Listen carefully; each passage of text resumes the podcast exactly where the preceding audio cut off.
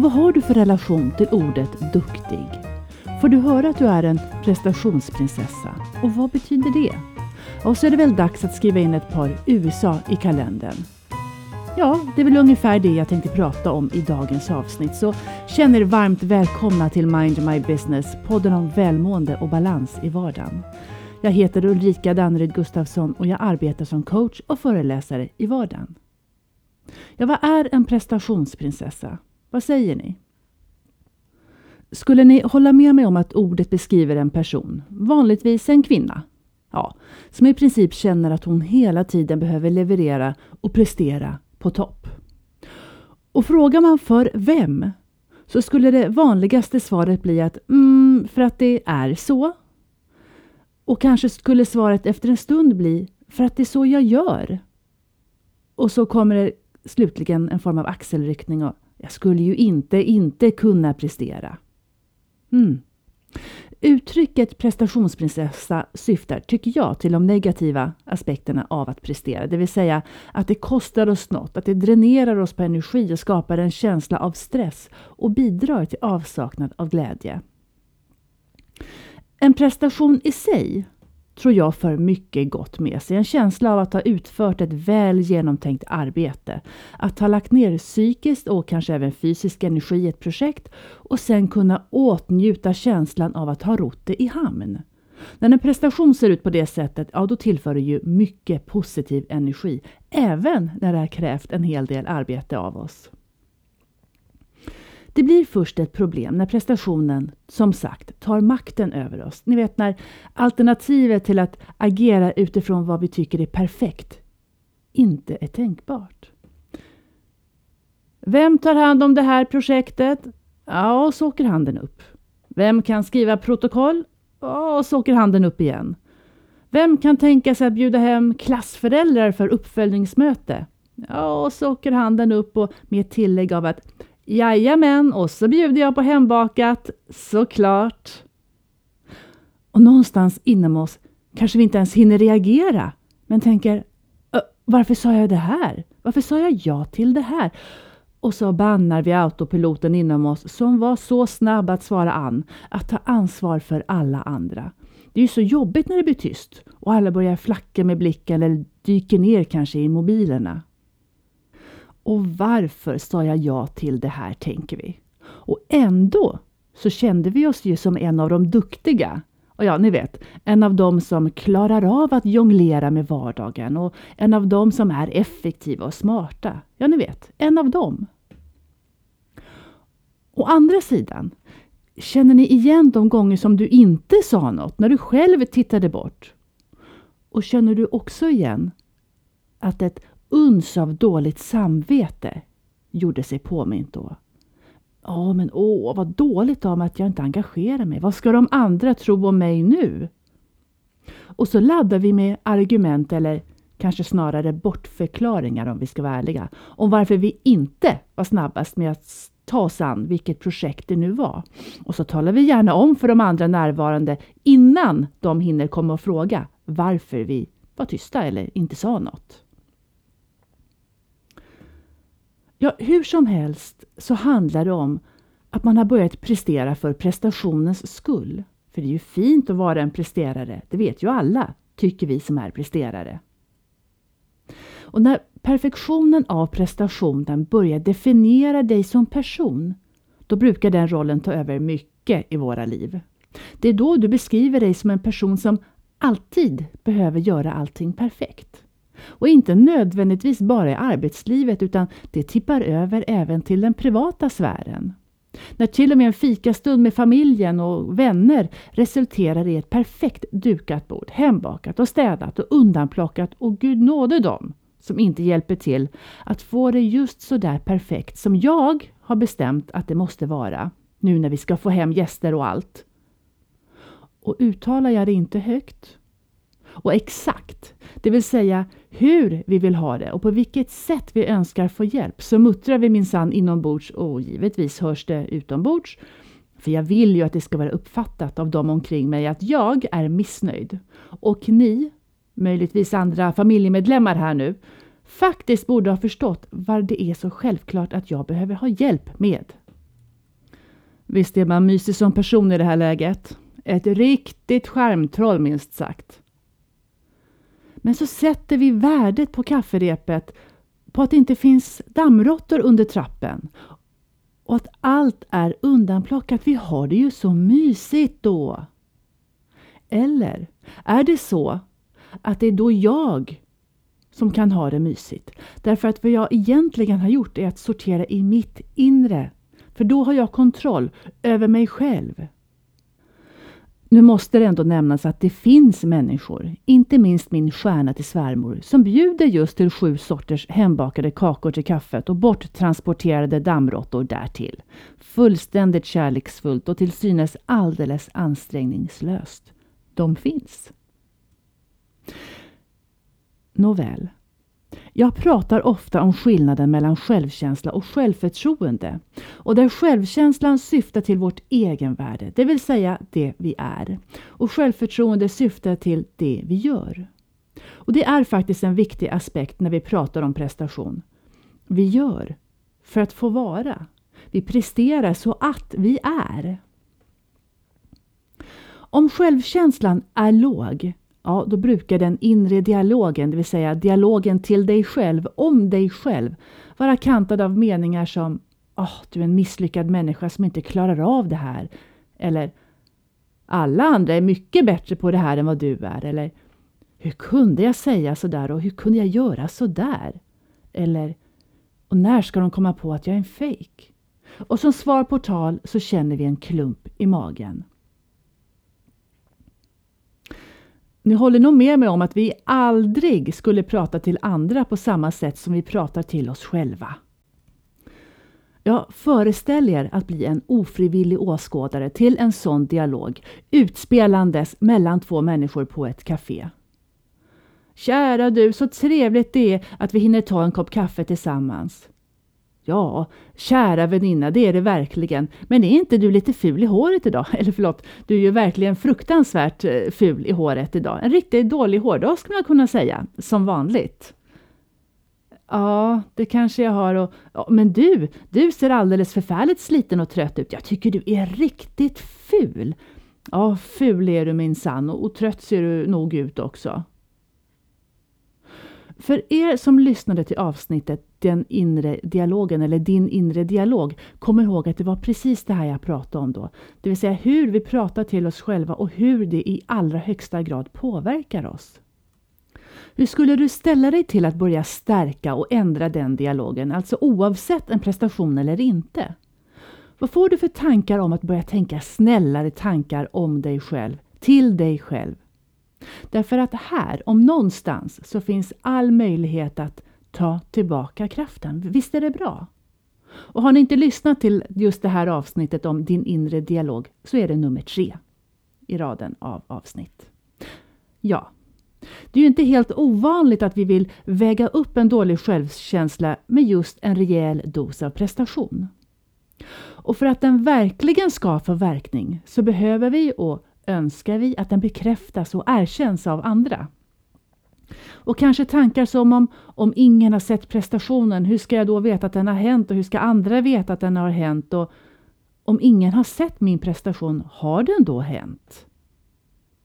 I det här läget är det lätt att överprestera i jakten på ett erkännande.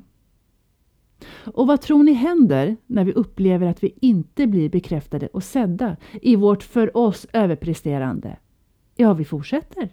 Lite mer och lite högre och så väntar vi kanske på den där feedbacken som vi så gärna vill ha, men som inte kommer. Och någonstans längs vägen blir det svårt att sätta egna gränser. För vi har tappat bort vår egen vilja i jakten på andras bekräftelse.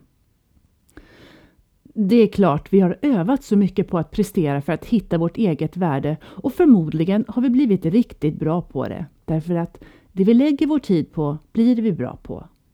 Så att börja hitta sin självkänsla utanför prestationen, det kan ta sin tid. Men är väl sin möda värd. Och identifikation är första steget. Identifikation om var exakt jag befinner mig i mitt inre. Inga förskönelser, ingen förminskning, utan en ren observerande identifikation. Om jag frågar hur den arketypiska personen med låg självkänsla ser ut så har vi ofta en generaliserad bild. Tyst, avvikande, undvikande. Men här får man se upp, för den låga självkänslan det är en listig rackare. Det behöver inte vara så att det är tysta personer som tonar ner sin närvaro i en grupp eller sällskap som nödvändigtvis är de som har låg självkänsla. Det finns ju faktiskt en hel del människor som inte har ett behov av att göra nämnvärt mycket väsen av sig. De känner sig lugna och trygga precis där de är och vill de säga något, ja då säger de något. En person med, med låg självkänsla kan mycket väl vara en utåtriktad, vältalig person som vid första anblick är någon vi känner respekt inför. Eller någon som gör väldigt mycket väsen av sig och tar plats. För det kan ju också vara så om ni tänker på tillfällen när du har känt dig riktigt stark och känner att du är på rätt väg och tänker att du har planen klar. Och så blir du utmanad av någon i den här tanken och planeringen du har. Och någon som är så pass signifikant för dig att du tappar din inre balans och känner att ja, nej, jag ska nog inte ta mig så mycket ton. Ingen där ute märker ett dugg om att vi känner skräcke för om andra skulle veta hur liten jag egentligen känner mig just då. Kruxet är ju om du vill säga något och du känner att du har något att berätta men är jädra rädd att ingen ska lyssna eller kanske förminska din åsikt bara för att känna att du blir påmind om att nej, just det, jag har ju inget vettigt att komma med. Men i en grupp med människor så brukar man säga att om en person har en fråga, ja då är det alltid som oftast flera som sitter med samma, men kanske inte vågar fråga. Ja, självkänsla är värd att arbeta med. Hörrni, det är lätt att tappa bort sin egen vilja när vi är mitt inne i det här, vad ska vi kalla det, prestationsracet. Vi har överfört vår egen vilja till görandet och glömmer lätt bort att innerst inne känna efter vad det är vi själva egentligen vill och mår bra av. Och kanske är det så att vi inte vågar känna efter och stänger därför ute den reflektionen helt och hållet från spelplanen. Kraken till reflektion har inte en chans att få komma in från avbytarbänken, men skam det som ger sig. Så en dag så infinner sig en udda, tyst tanke av reflektion. Vi har gött prestationen så mycket att den har tappat verkan och reflektionen menar plötsligt att den är inte lika meningsfull längre. Den kommer med avsaknad av något, något vi inte sett förut. Och prestationen tillför inte samma dos av välmående längre. Hemska tanke! Den är lätt att slå bort här. För vem är jag när jag inte känner det meningsfulla av min prestation? Så varför blir man då ägd av sin inre presterare? Ja, om vi vänder blicken inåt så kan vi kika på varför vi har skapat den här rollen eller mönstret eller strategin, om jag får kalla det det. För det är vi själva som har skapat det här. Det är inte något som någon har gett till oss. Det är inget som delas ut till gemene man som ett brev på posten. Alla människor är inte ägda av sin inre presterare. Väldigt många, men långt ifrån alla. Så vad handlar det om? Jo, de flesta av våra roller vi har har vi själva skapat för att ja, klara av livet. Vi skapar sätt att hantera vårt liv för att ja, helt enkelt från början överleva och sedermera för att ha en fungerande vardag. Vi har vår yrkesroll till exempel, vi har vår föräldraroll, vår vänskapsroll, en roll för hur vi ska ta ut vår frustration, vår ilska, glädje, en roll för att få kärlek. Vi har alltså ett behov och så har vi hittat ett mer eller mindre fungerande sätt att tillgodose det behovet. Vi har alltså skapat en roll eller mönster. Och det finns ytterligare ett ord. Vi har skapat en delpersonlighet. Och den inre presteraren är en sån. Någon gång i livet har vi märkt att vi får ja, cred av att göra någonting bra. Ni vet, när det kändes i hela kroppen. Ja, och nästa gång så gjorde jag någonting mer bra som att få bra betyg i skolan eller inte prata för mycket vid middagsbordet eller springa snabbast på 60 meter. Ja, och så fick jag ytterligare en efterlängtad klapp på axeln. Och kanske var det det enda sättet att få en klapp på axeln. Och på det viset lärde vi oss att genom att prestera och vara duktiga blev vi just sedda, bekräftade och fick ett erkännande av omgivningen. Alltså fick vi ett eget värde. Uppenbarligen en vinnande strategi tänkte vi. Det här fortsätter jag med. Och det gör vi, mer eller mindre omedvetet. Hur tydligt och medvetet det än låter när jag säger det, men vi gör det omedvetet. Den inre presteraren kom med andra ord till som ett sätt för att få oss att känna oss sedda, hörda och älskade. Och var det så att om vi inte gjorde bra ifrån oss så kanske vi blev bannade för det. Eh, vi kanske fick känna på skam och skuld från vår omgivning om vi inte då levde upp till de här högt satta idealen. Men det kan ju också ha varit så att om vi inte presterade, om vi levererade någonting mediokert eller medelmåttet, kanske till och med undermåligt, så blev vi ignorerade. Ingen sa någonting alls. Och resultatet för oss blev att vi kände oss fullkomligt osynliga. Att känna sig osynlig som människa, det kan vara tungt. Eller nej, låt mig rätta mig själv. Att känna sig osynlig som människa är tungt. Att känna sig sedd och bekräftad är ett allmänmänskligt grundläggande behov. Hur vi lyckas med det, ja, det är helt olika. Och om det är så att vi har kommit på att den inre presteraren är framgångsrik på det här, ja, då håller vi den nära och alert. För motsatsen vore otänkbart. Och så småningom så blir den här strategin, rollen eller mönstret, det blir en vana, ett sätt att hantera livet på. Det blir den jag är. Det blir min självbild. Jag är en person som presterar. Och vi skapade rollen av godo och den har säkert fyllt sitt syfte genom åren på många, många sätt. Ja, men tänker ni, det är väl inget fel att ha ambitioner? Att vilja ha någonting utav livet, att vilja skapa sig bra förutsättningar och dessutom ha förmågan att göra det och ha förmågan att omsätta sin kompetens och leverera ett bra resultat. Det måste ju ändå finnas värre sätt att bli sedd och bekräftad på. Ja, så är det verkligen. Och nej, det är inget fel med att vilja ha ett inre driv. Jag tänker att det till och med är eftersträvansvärt på många sätt och vis. Och du ska vara stolt över vad du presterar. Inget hur snack om saken. Och om det vore så enkelt som det låter att vara någon som presterar på hög nivå hela tiden och att livet flyter på som sig bör, ja men då är ju allt precis som det ska vara. Baksidan av myntet är ju när det tar för mycket av vårt välmående. Det kostar oss mer än vad det smakar. Och Problematiken uppstår när det kostar mig för mycket att hålla mig där uppe på prestationspedestalen. Vi har glömt bort vilka vi är bortom prestationen. Men kanske även varför vi presterar. Och den här inre ni vet, oppositionen får liksom inte komma till tals gällande den sittande presteraren. Alla argument slås ner. Är ni med?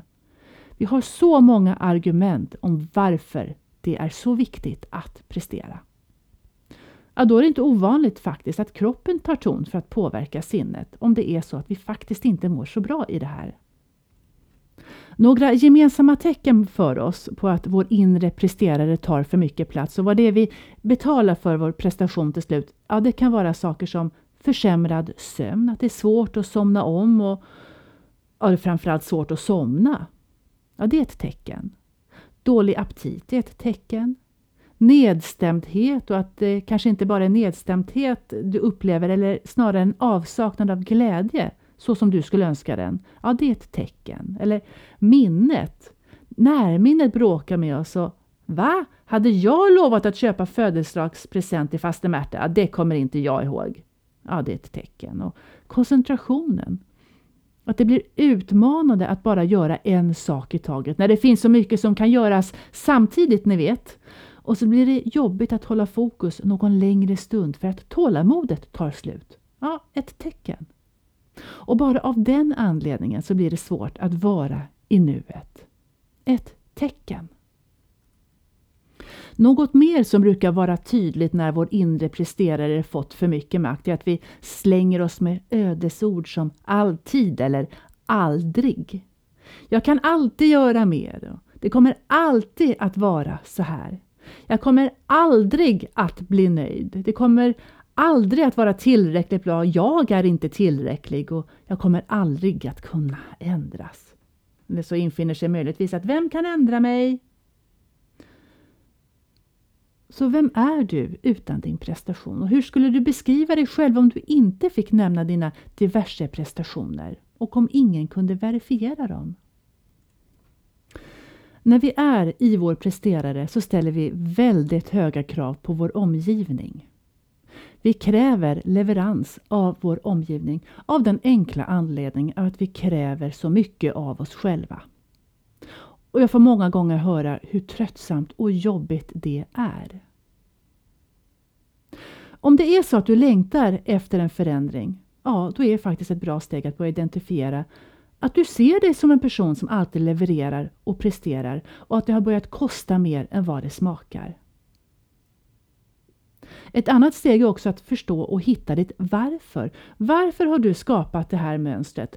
Vad var syftet med det från början och finns syftet kvar? Eller har du hamnat på en autopilot? Och kanske det viktigaste steget, acceptans. Möjligtvis också det svåraste, att acceptera att du har mönstret av att vara en presterare.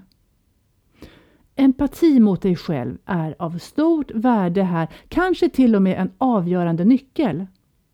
För en person med mycket nära relation till sin inre presterare kan acceptans av ett beteende som du inte anser är perfekt, ja det kan komma med en stor mängd skuld. Så våga vara snäll mot dig själv.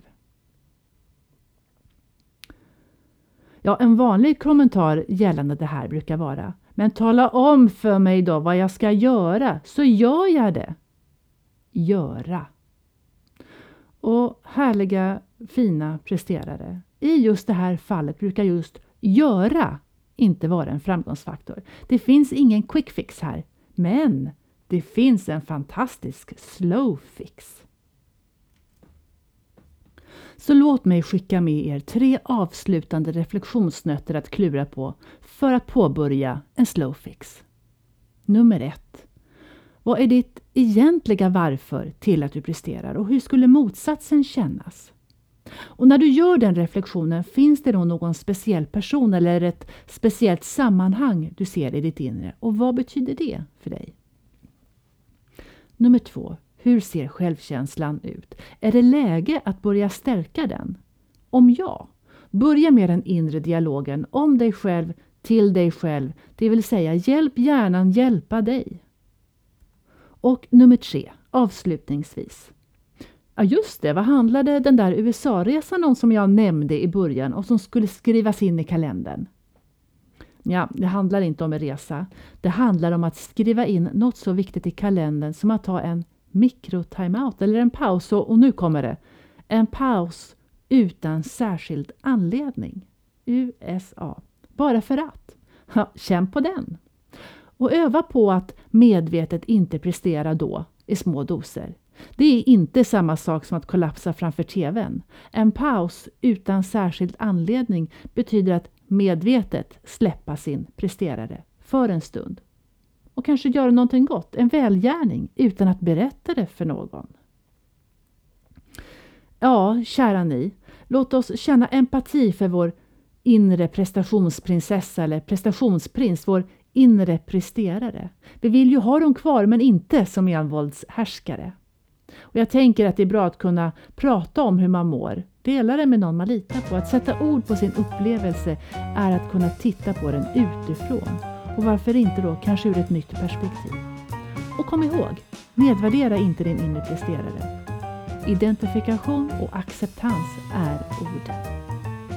Och vem vet, kanske blir resultatet att du hittar en än större välmående och balans i vardagen.